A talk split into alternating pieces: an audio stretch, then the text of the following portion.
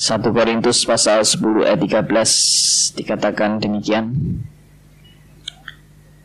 Pencobaan-pencobaan yang kamu alami ialah pencobaan-pencobaan biasa yang tidak melebihi kekuatan manusia. Sebab Allah setia dan karena itu ia tidak akan membiarkan kamu dicobai melampaui kekuatanmu. Pada waktu kamu dicobai, ia akan memberikan kepadamu jalan keluar sehingga kamu dapat menanggungnya. Berbahagialah yang kita semua yang dengan setia tidak hanya mempelajari firman Tuhan dan memahami firman Tuhan, tetapi juga belajar menerapkan, melakukan di dalam kehidupannya sehari-hari. Sampai kali ini kita masih membahas doa Bapa kami, janganlah membawa kami ke dalam pencobaan melainkan lepaskanlah kami daripada yang jahat. Saudara sekalian, firman Tuhan yang tadi kita nyanyikan, Tuhan menetapkan langkah-langkah orang. Ini maksudnya sama sekali bukan berarti kita lalu menjadi pasif. Kalau Tuhan sudah menetapkan begini ya kita mau apa lagi? Ya biarin aja. Silakan Tuhan yang sudah menetapkan. Saya ya tidur-tiduran saja. Saya istilahnya leyek-leyek gitu ya. Saya santai-santai. Silakan Tuhan yang bekerja. Saya bersantai-santai saja. Toh semuanya sudah ditetapkan. Buat apa lagi saya harus baca kitab rajin-rajin? Buat apa lagi saya harus berusaha berbuat baik Buat apa lagi saya harus ke gereja beribadah? Silakan Tuhan sudah menetapkan segala sesuatu dan saya tinggal melihat saja apa yang akan terjadi. Saudara, sama sekali Allah bekerja bukan dengan cara demikian. Memang benar Allah menetapkan segala sesuatu. Tuhan menetapkan langkah-langkah orang. Tetapi bagaimana cara Tuhan menetapkan langkah-langkah itu? Ternyata cara Tuhan menetapkan langkah-langkah itu justru tidak membuat saudara dan saya sebagai orang yang sudah dibenarkan itu bersikap pasif. Tuhan menetapkan langkah-langkah orang dengan memberikan pencobaan mencoba. Tuhan menetapkan langkah-langkah orang dengan memberikan ujian-ujian. Dan Tuhan menetapkan langkah-langkah orang dengan membuat saudara dan saya langkah demi langkah makin mengerti apa kehendak Tuhan bagi saudara dan saya. Tuhan menetapkan langkah-langkah orang dengan memberikan hukum-hukumnya supaya saudara dan saya disadarkan apa yang seharusnya saudara dan saya lakukan di hadapan Allah. Itulah ketetapan-ketetapannya jadi bukan lalu ketetapan Allah, saya mau ini, kamu tinggal pasif jadi penonton saja. Allah sendiri yang mau bekerja. Tidak. Allah menetapkan kehidupan langkah-langkah saudara dengan justru membuat saudara makin hari makin sadar apa yang menjadi rencana Allah bagi hidup saudara dan saya. Dengan menyadarkan apa yang seharusnya saudara lakukan dan apa yang seharusnya saudara tidak lakukan. Itulah ketetapan Allah. Jadi jangan salah mengerti saudara. Pengajaran reform sama sekali bukan pengajaran fatalisme. Pengajaran nihilisme. Pengajarannya mengajarkan bahwa ya sudah kalau sudah ditetapkan kita mau apa lagi kita tidak usah berbuat apa-apa. Sama sekali tidak demikian. Justru Allah mencelikkan kesadaran saudara. Apa yang seharusnya saudara lakukan di hadapan Allah. Itulah ketetapan Allah. Jadi kita ini bukan orang yang terima nasib. Ya sudah kalau Tuhan sudah menjadikan aku bodoh. Ya apa boleh buat. Aku biarlah tambah bodoh. Wah apa begitu saudara? Ya jelas tidak. Ya, kita tahu dari perumpamaan talenta bahwa Tuhan yang memang menetapkan. Ada yang dapat satu, ada yang dapat dua, ada yang dapat lima, tetapi semuanya harus mempunyai tanggung jawab mengembangkan talentanya. Kalau Tuhan sudah memberikan anugerah kepada saudara, saudara bertanggung jawab untuk menjalankan anugerah ini di hadapan Allah. Meskipun dikatakan langkah-langkah itu pun sudah di dalam ketetapan, tetapi Tuhan justru mendorong kita. Tuhan justru memacu kita supaya kita makin hari makin belajar bertanggung jawab di hadapan Allah. Nah, saudara, berkaitan dengan yang tadi kita baca di dalam satu Korintus, dikatakan langkah-langkah orang yang ditetapkan oleh Allah itu bukan ternyata langkah-langkah yang selalu mulus dan langkah-langkah yang selalu tidak ada masalah, langkah yang selalu sukses seperti pemikiran teologi sukses. Nyata tidak. Heran sekali kriteria yang datang dari Allah itu tidak sama dengan konsep manusia tentang kesuksesan menurut ukuran dunia. Tuhan menetapkan langkah-langkah orang, tetapi dikatakan apabila ia jatuh. Berarti orang yang langkahnya ditetapkan oleh Allah itu bisa juga jatuh. Dan jatuhnya itu pun tidak di luar kedaulatan Allah. Tidak di luar pemeliharaan Allah. Tetapi waktu ia diizinkan jatuh.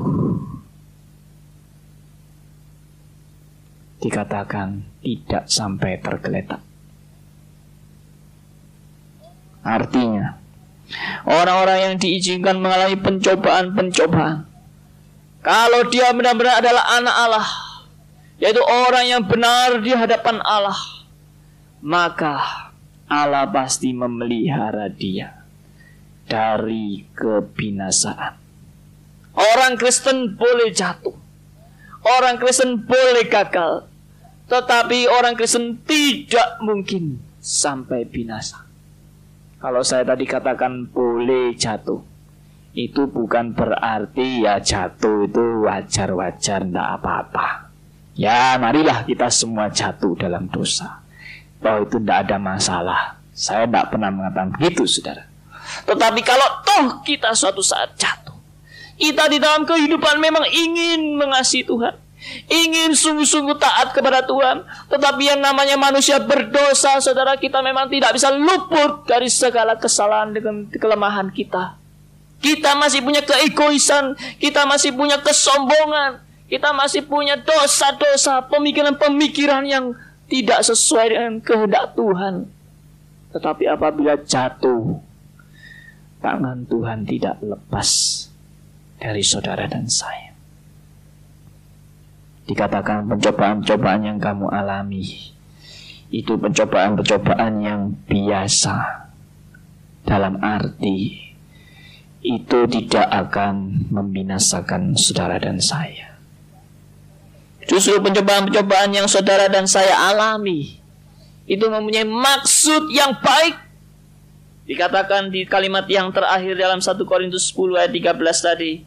Sehingga kamu dapat menanggungnya. Kalau terjemahan lain dikatakan sehingga kamu cakap. Sehingga kamu menjadi ahli di dalam menanggung. Sehingga kamu menjadi mampu mempunyai suatu daya tahan di dalam menanggung segala pencobaan-pencobaan. Kita sudah beberapa kali saudara mempelajari masalah pencobaan biarlah kita makin hari makin diteguhkan. Kalau nanti dalam diskusi kelompok, memang kita sudah rapat kemarin dan selalu diingatkan supaya nanti waktu diskusi ada bahan. Sekarang saya berikan bahan nanti untuk diskusi. Saudara nanti bisa men-sharekan, menceritakan di dalam kehidupan pengalaman hidup saudara apa yang saudara alami yang pencobaan yang paling besar dan paling berat menurut saudara. Nah itu coba di-sharekan. Nah, pada saat saudara mengalami pencobaan yang begitu berat, dalam hidup saudara? Langkah apa yang pada waktu itu saudara lakukan? Dan kalau ternyata saudara pernah salah melakukan langkah, itu pun sekarang kita boleh berbicara apa yang benar di hadapan Allah. Bagaimana saat kita menghadapi pencobaan yang begitu berat? Mari kita bagikan. Karena pengalaman tiap orang bisa juga kita saling menguatkan dan saling mengisi. Saudara sekalian, pada saat pencobaan itu diberikan. Dikatakan Allah itu tetap setia. Ia tidak akan membiarkan kamu dicobai. Allah tidak akan membiarkan. Dia itu setia. Inilah Allah yang diperkenalkan Alkitab, saudara. Allah kita bukan Allah yang seperti polisi yang menakutkan yang begitu kejam dan mengerikan. Secara sering kali saya mendengar khotbah-khotbah. Setelah mendengarkan khotbah itu kita begitu merasa bersalah sekali. Dan kita begitu down sekali. Kita merasa kita sudah akhirnya sudah orang yang seperti dibuang oleh Allah. Kita seperti orang yang sudah tidak layak lagi di hadapan Allah. Dan Allah sama sekali tidak berkenan kepada kita. Kita pulang mendengar mendengar khotbah dengan tidak mempunyai lagi kerinduan dan semangat dan dan percaya diri menghadap kepada Allah. Allah yang diperkenalkan seperti Allah yang begitu kejam dan mengerikan. Allah seperti polisi yang selalu mencari-cari kesalahan daripada maling-maling yang ada di hadapan Allah. Saudara, tidak demikian? Allah yang diperkenalkan Alkitab adalah Allah yang setia. Saudara sekalian, manusia di dunia ini boleh dikatakan manusia yang sering kali dikecewakan dengan masalah kesetiaan, bukan? Seringkali kita mempunyai teman yang kita anggap, oh baik sekali teman kita. Kita harap teman ini bisa setia kepada kita. Ternyata, ah mengecewakan. Ya. Kita juga mempunyai hubungan keluarga tidak lepas daripada kita kecewa. Mengapa ternyata anggota keluargaku juga ternyata seperti ini? Dia tidak menunjukkan kesetiaan yang sungguh, kesetiaan yang sejati. Tetapi saudara Tuhan tetap setia.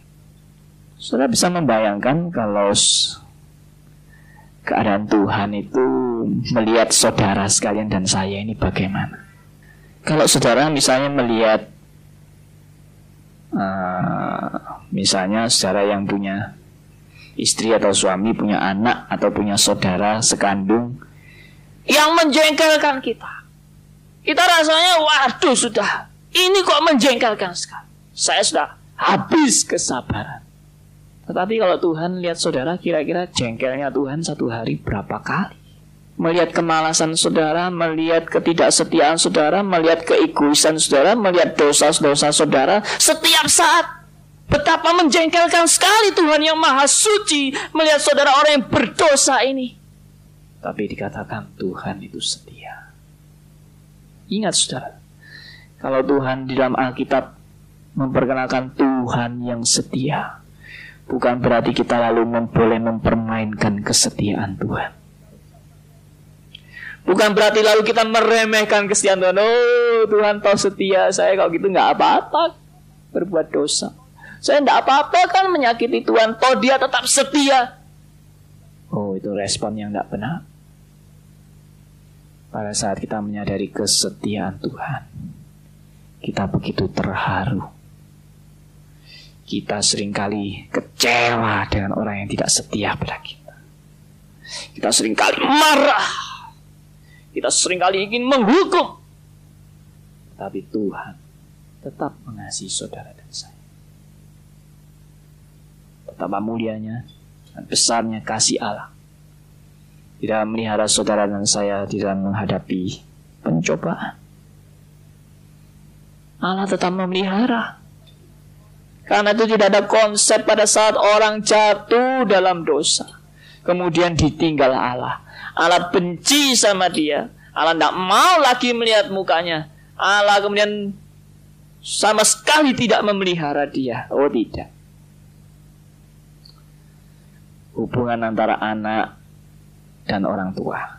Hubungan antara bapak dengan anak. Tidak bisa terputus oleh segala keadaan. Orang Kristen adalah orang yang punya hubungan. Kalau dia sudah menjadi Kristen sejati, dia sudah percaya kepada Kristus, dia sudah menyerahkan hidup kepada Allah yang benar. Percaya bahwa Yesus Tuhan dan satu-satunya juru selamat, dia mau bertobat. Maka ada hubungannya istimewa antara orang ini dengan Allah, yaitu hubungan sebagai bapa dan anak. Dan hubungan sebagai bapak dan anak tidak bisa diputuskan oleh apa pun. Itulah yang menunjukkan Allah itu begitu setia. Secara namun saudara dan saya harus meresponi kesetiaan Tuhan. Jangan meremehkan. Kalau Tuhan itu setia, anak-anak Tuhan itu juga seharusnya punya ciri-ciri yang sama dengan bapaknya. Ya toh, biasanya kan begitu. Kalau kita lihat ada anak jadi nakal, lalu ayahnya sambat-sambat nakalnya anaknya. Itu antara lain saya sendiri juga pernah sambat ya. Wah anak saya kok nakal teman saya lalu bilang ya itu kan niru bapaknya iya bapaknya dulu juga nakal ya nah saudara juga ada perumpamaan yang bilang buah itu tidak jatuh jauh dari pohonnya nah saudara sekalian namun kalau kita ini berani mengatakan saya anak Allah tapi ternyata perbuatan kita itu jauh berbeda dan bahkan terus-menerus bertentangan dengan keadaan Allah. Kita mungkin perlu introspeksi diri. Kita perlu mungkin memeriksa diri. Apakah selama ini kita benar-benar menjalankan hidup sebagai anak. Nah, saudara sekalian, pada saat kita mulai pencobaan ini, dikatakan ia akan memberikan kepadamu jalan keluar. Setiap pencobaan yang saudara dan saya alami tidak mungkin terus-menerus akan terjadi dalam kehidupan lalu tidak ada jalan keluar sama sekali. Saya percaya pencobaan yang Tuhan berikan kepada kita itu memang mempunyai sifat untuk melatih saudara dan saya karena itu pencobaan ini jangan lalu kita anggap sebagai hal yang sangat negatif. Kita lihat ini sebagai hal yang positif. Yang membangun hidup saudara dan saya. Maka itu orang Kristen. Kalau tidak pernah mengalami pencobaan justru harus bertanya-tanya. Karena Allah itu di dalam kehidupan saudara dan saya selalu ingin melatih hidup saudara dan saya. Kita itu menghadapi berbagai masalah dalam kehidupan kita. Kita dicobai baik oleh hawa nafsu diri kita sendiri. Yang minggu lalu kita beberapa minggu yang lalu kita sudah bahas bahwa kita bisa dicobai oleh keinginan kita.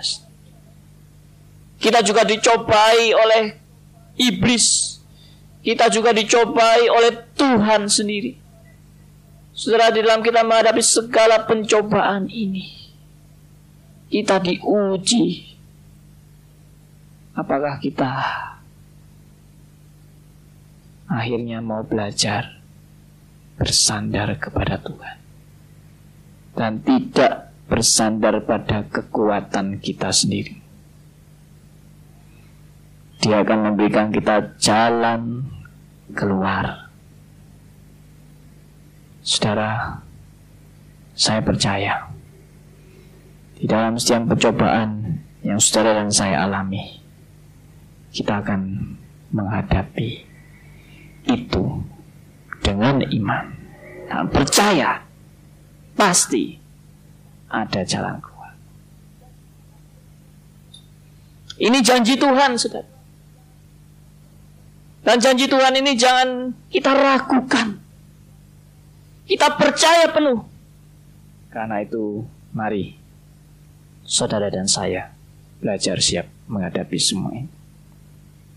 Saudara sekalian, pencobaan baik itu dari iblis, baik itu dari keinginan hawa nafsu kita sendiri, baik itu dari Tuhan. Semuanya diizinkan Tuhan terjadi demi kebaikan saudara dan saya. Mari saudara kita membuka firman Tuhan di dalam Mazmur pasal 23 ayat 1 sampai 4. Mazmur 23 ayat 1 sampai 4. Mazmur Daud. Tuhan adalah gembalaku. Takkan kekurangan aku. Ia membaringkan aku di padang yang berumput hijau. Ia membimbing aku ke air yang tenang. Ia menyegarkan jiwaku. Salah kalau kita lihat bagian ini semuanya positif ya. Takkan kekurangan aku, membaringkan aku di padang yang berumput hijau. Yang membimbing aku ke air yang tenang, ia menyegarkan jiwaku. Ayat 3, ia menuntun aku di jalan yang benar oleh karena namanya. Ayat 4, sekalipun aku berjalan dalam lembah kekelaman, Aku tidak takut bahaya. Sebab engkau besertaku, gadamu dan tongkatmu, itulah yang menghibur aku. Saudara, ini adalah suatu nyanyian Mazmur yang menunjukkan bahwa Tuhan adalah gembala kita yang baik. Saudara, pada saat saya mengalami krisis dalam kehidupan saya di mana saya harus menentukan arah langkah kehidupan saya menuju ke mana. Saya begitu khawatir menghadapi hidup. Sepertinya seolah-olah masa depan saya ini mau jadi apa saya nggak tahu. Masa depan ini seolah-olah suram semua. Tidak jelas apa yang bisa saya pegang? Pada satu seorang hamba Tuhan mengingatkan saya. Tuhan itu gembala yang baik. Tidak pernah dombanya dibiarkan. Tersesat. Bahkan sampai binasa. Tidak mungkin. Saudara pada waktu saya ingat itu. Saya seperti mata buta yang dicelikan. Iya ya. Kenapa saya tidak percaya Tuhan itu gembala yang baik? Dikatakan kalau ada domba yang hilang, satu saja yang hilang. Dicari sampai ketemu. Tidak akan dibiarkan, saudara. Karena itu bagi orang Kristen, di dalam menghadapi segala sesuatu, kita percaya Gembala kita pasti memberikan yang terbaik. Dikatakan walaupun kita berjalan di dalam lembah kekelaman, di dalam zaman lama dikatakan di dalam lembah bayang-bayang maut. Tetap aku tidak takut, kata pemasmur. Karena apa dikatakan engkau beserta aku. Tuhan selalu beserta kita. Dan saudara sekalian, sekali lagi saya tegaskan. Kita memang berdoa, janganlah membawa kami ke dalam pencobaan. Tapi lepaskanlah kami daripada yang jahat. Sebenarnya maksud doa ini bukan lalu kita tidak mau pencobaan. Bukan. Itu salah mengerti. Tuhan tidak pernah mengajar kita supaya kita menolak segala pencobaan. Tidak. Karena ayat-ayat Alkitab yang tadi kita sudah baca dengan jelas mengatakan bahwa pencobaan itu memang sengaja diberikan supaya orang Kristen menjadi orang yang yang terlatih, orang yang makin dewasa. Saya sudah berulang kali mengatakan bagaimana kalau orang dalam hidupnya tidak pernah mengalami pencobaan, tidak pernah mengalami kegagalan, dia pasti orang yang rapuh. Karena itu doa ini apa maksudnya saudara? Doa ini maksudnya adalah kita sadar sebagai manusia yang sangat lemah dan penuh kekurangan ini. Kita tidak mungkin bisa menghadapi pencobaan itu dengan kekuatan kita sendiri. Inilah maksud kata-kata di Di balik kata-kata, janganlah membawa kami ke dalam pencobaan, karena kami ini menyadari kami adalah makhluk yang begitu lemah dan sangat terbatas dan penuh kekurangan ini. Karena itu kami mau belajar bersandar kepadamu Tuhan. Kami tidak mau mengandalkan kekuatan kami sendiri, kehebatan kami sendiri. Doa ini akan makin lebih dimengerti kalau kita balik. Misalnya saudara bilang di dalam doa, silahkan Tuhan cobai saya. Wah, itu kayak aneh hebatnya kamu ini sak piro. Iya loh. Tetapi maksudnya kata-kata ini, jangan lambakan kita mencoba. Saya sadar. Kalau pencobaan ini diizinkan Tuhan terjadi, itu saya bisa menanggung bukan dengan kekuatan saya, tapi hanya dengan kekuatan dari Tuhan. Saudara, ini adalah suatu permohonan. Di balik permohonan ini ada suatu pengakuan kita tidak mungkin kuat menghadapi itu sendiri. Pasti jatuh. Pasti bahkan binasa. Kalau Tuhan tidak menolong saudara dan saya. Karena itu sekali lagi tidak ada istilah. Wah, kalau kita ini sedang jatuh, Tuhan meninggal kita, meninggalkan kita. Habis saudara. Kalau Tuhan kita adalah Tuhan yang selalu meninggalkan kita pada saat kita jatuh dalam dosa, kita hancur, kita binasa. Tetapi justru pada saat kita jatuh dalam dosa, kita pada saat itu membutuhkan pertolongan. Dan yang bisa menolong kita hanya Tuhan, bukan diri kita sendiri. Kalau orang dunia selalu mengatakan, Andalah yang bisa menolong diri Anda sendiri. Tapi kalau orang percaya mengatakan, hanya Tuhan yang bisa menolong kita. Bukan karena kita tidak percaya diri, tapi karena kita sadar sampai di mana batas kekuatan kita. Itu arti, janganlah membawa kami ke dalam pencobaan.